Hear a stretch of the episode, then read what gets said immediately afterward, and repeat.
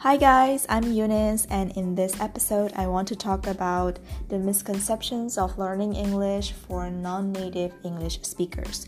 If you haven't already, follow my podcast here on Spotify for more upcoming episodes. So, let's get started.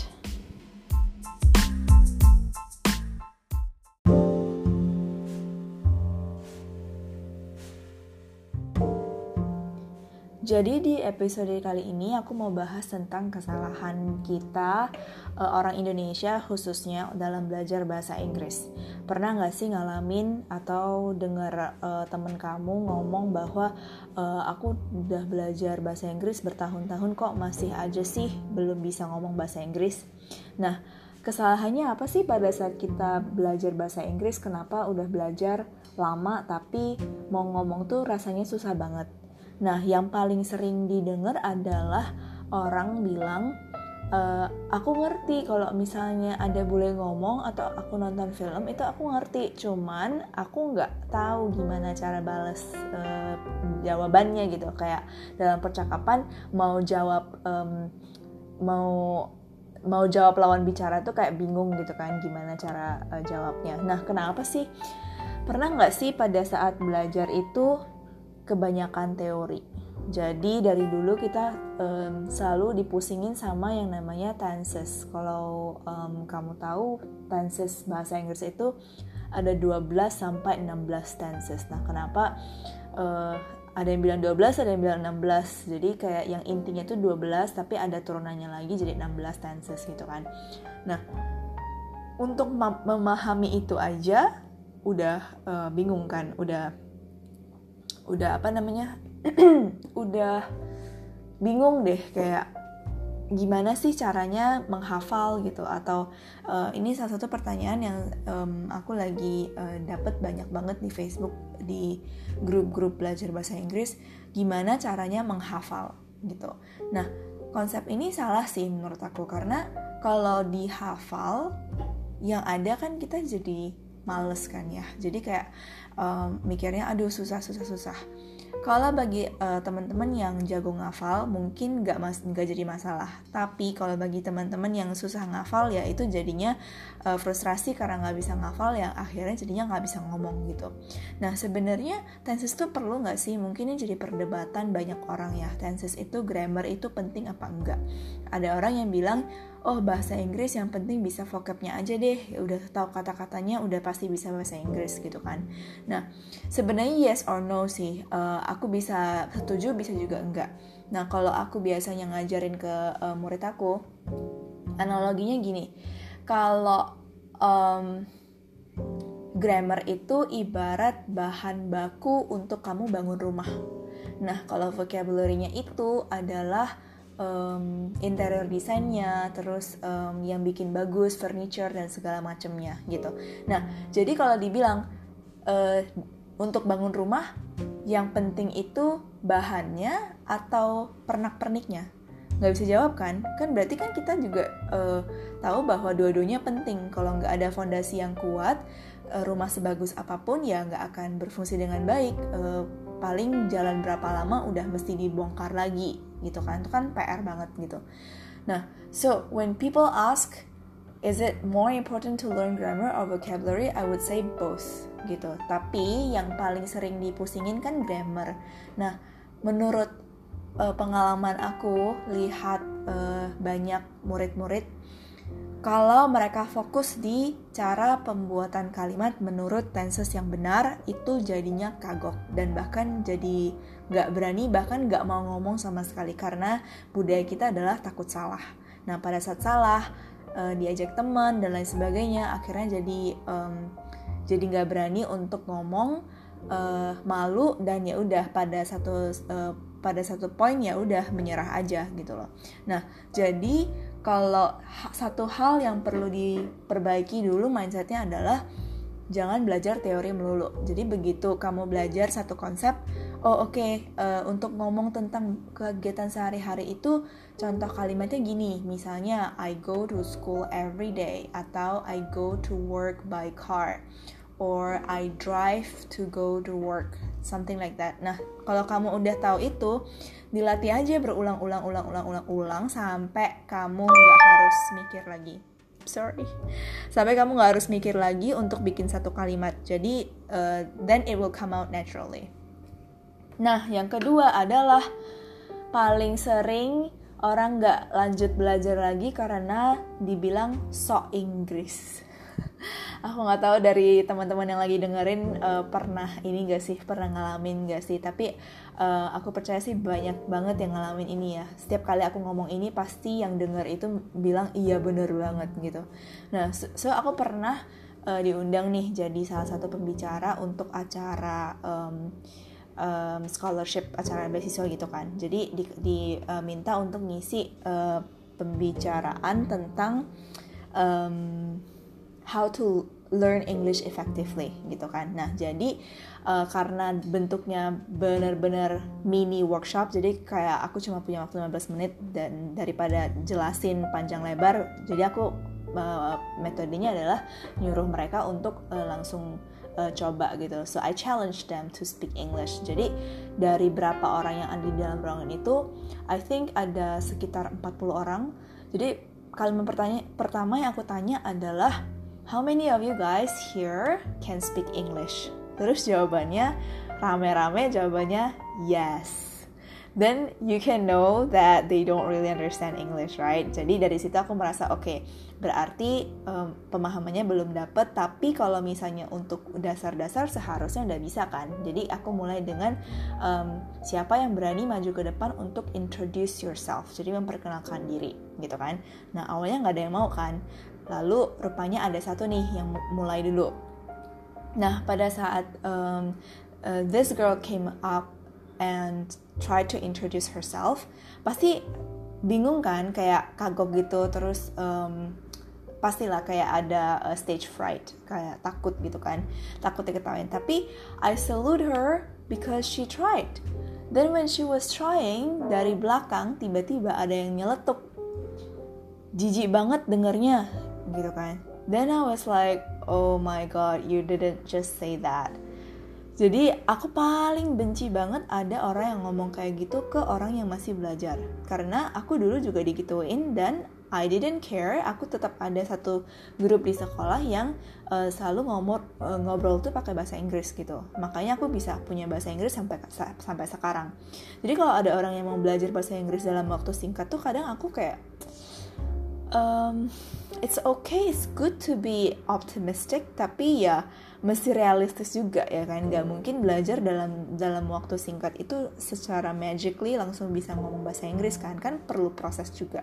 Nah dari situ aku uh, ngomong dong ke orang yang nyeletuk di belakang tuh nah biasanya orang yang nyeletuk kayak gini tuh nggak berani nunjukin muka kan? Cuma berani ya udah dari belakang aja gitu. Nah aku tanyain yang di belakang yang tadi nyeletuk um, mau coba di depan um, memperkenalkan diri dalam bahasa Inggris kan nggak berani kan nunjukin mukanya kan. Terus aku bilangin gini yang bilang jijik tadi pasti karena nggak bisa bahasa Inggris ya. Terus semuanya semua orang ketawain kan. Jadi ketawain dia dong.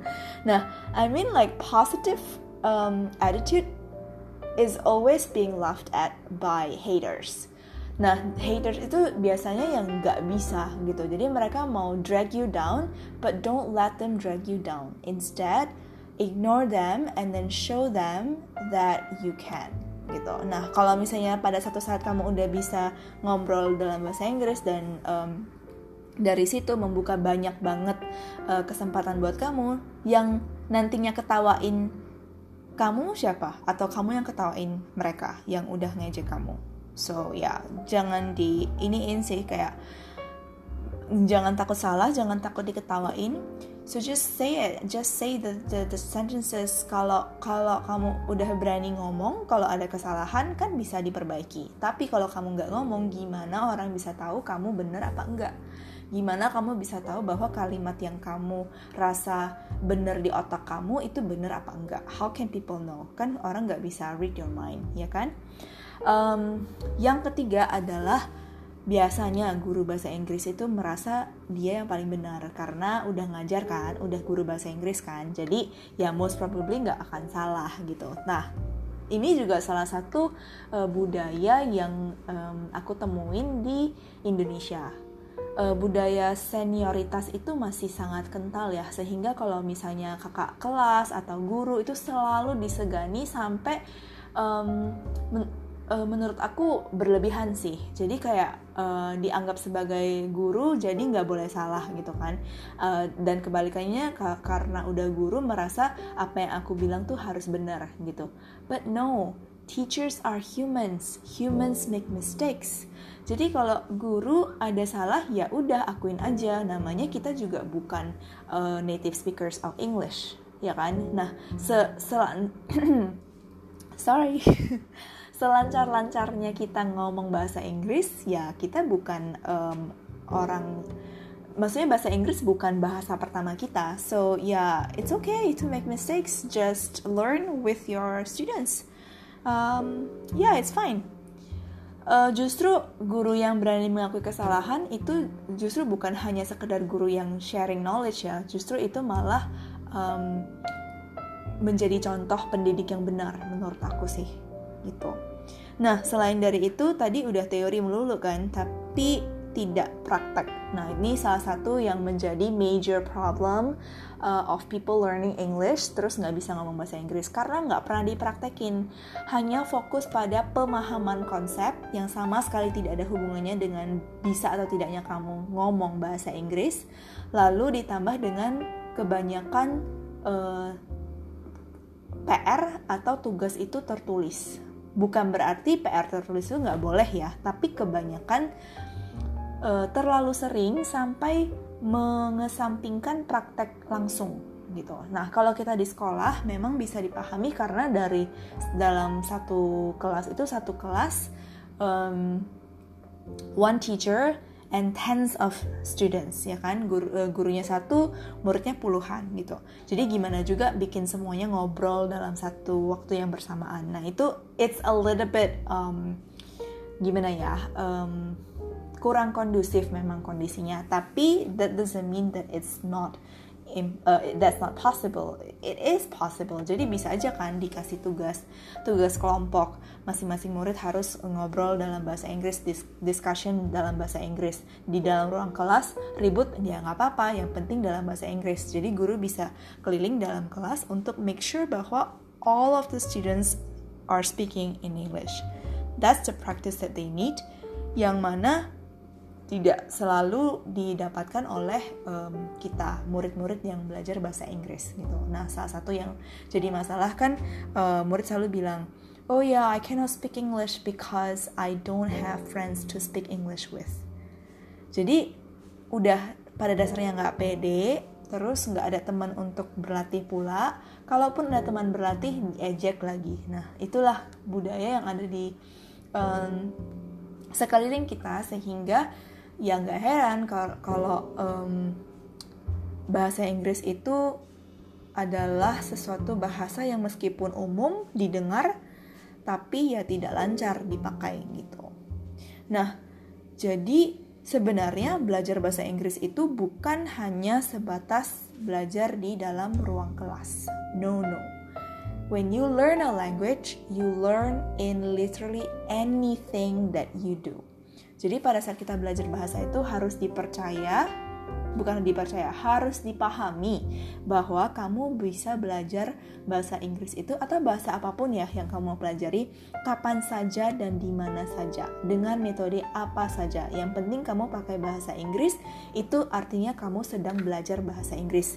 Mau nonton film, mau nonton series, mau nonton um, uh, drama, mau uh, denger lagu, kalau kamu bisa, uh, kalau kamu jago nyanyi, suka nyanyi, nyanyi lagu-lagu bahasa Inggris, um, atau bikin podcast kayak gini, um, do it in English. Um, terus kalau misalnya texting, misalnya uh, WhatsApp kayak gitu kan, kamu tahu nih teman kamu bisa bahasa Inggris, paham bahasa Inggris. Nah, why not kamu uh, texting itu dalam bahasa Inggris? Nah, itu kan berarti sebenarnya kamu bisa sih di mana aja dan kapan saja gitu loh. Nah, belajar itu harus uh, dibawa santai sesantai mungkin sehingga kamu nggak menyadari bahwa kamu belajar gitu. Jadi belajar itu jangan dijadiin beban. Semakin kamu merasa itu beban, semakin susah kamu akan belajar.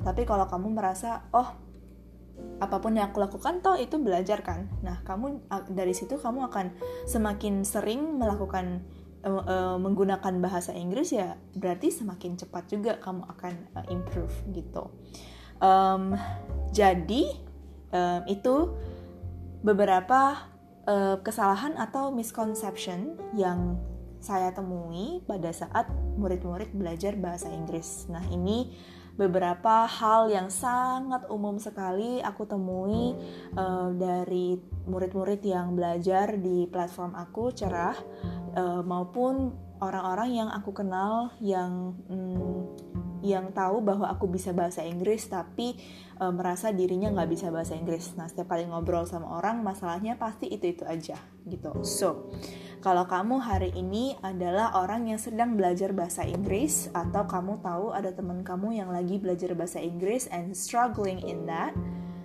coba deh challenge diri kamu. Aku mau nantang kamu nih, settingan handphone itu udah bahasa Inggris atau belum? Oke, okay? karena handphone tuh kan yang paling deket di kita ya. Setiap hari begitu buka mata, handphone dulu terus mau sampai mau tidur sebelum tutup mata juga handphone lagi. Jadi imagine if you always see the words and sentences in English, berarti uh, exposure kamu terhadap bahasa Inggris kan semakin sering. Nah dari situ kamu bisa semakin uh, semakin cepat lagi untuk improve-nya. Kalau ada kata-kata yang nggak ngerti, ya udah searching aja di Google. Nah pada saat kamu searching di Google, uh, tentang apa pun itu, misalnya, um, do you do it in English or in bahasa Indonesia? Kalau searching Google, pakai bahasa Inggris atau bahasa Indonesia? Jadi, please understand one thing. Biasanya bukan karena kamu nggak bisa, tapi karena kamu nggak biasa. Jadi aku ulangin ya, biasanya bukan karena kamu nggak bisa, kamu tuh bisa, hanya saja tidak biasa. Jadi mulai hari ini kalau kamu lagi mau belajar bahasa Inggris atau bahasa apa pun itu, pastikan apa pun yang kamu lakukan sehari-hari, sesederhana apa pun itu, kamu memakai bahasa Inggris atau bahasa apa pun yang kamu sedang pelajari. So, I hope this helps and thank you for listening.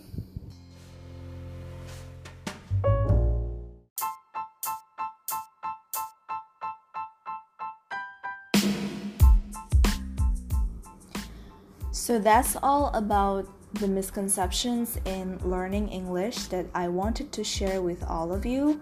Thank you for listening and check out my other episodes. Bye bye, have a good day.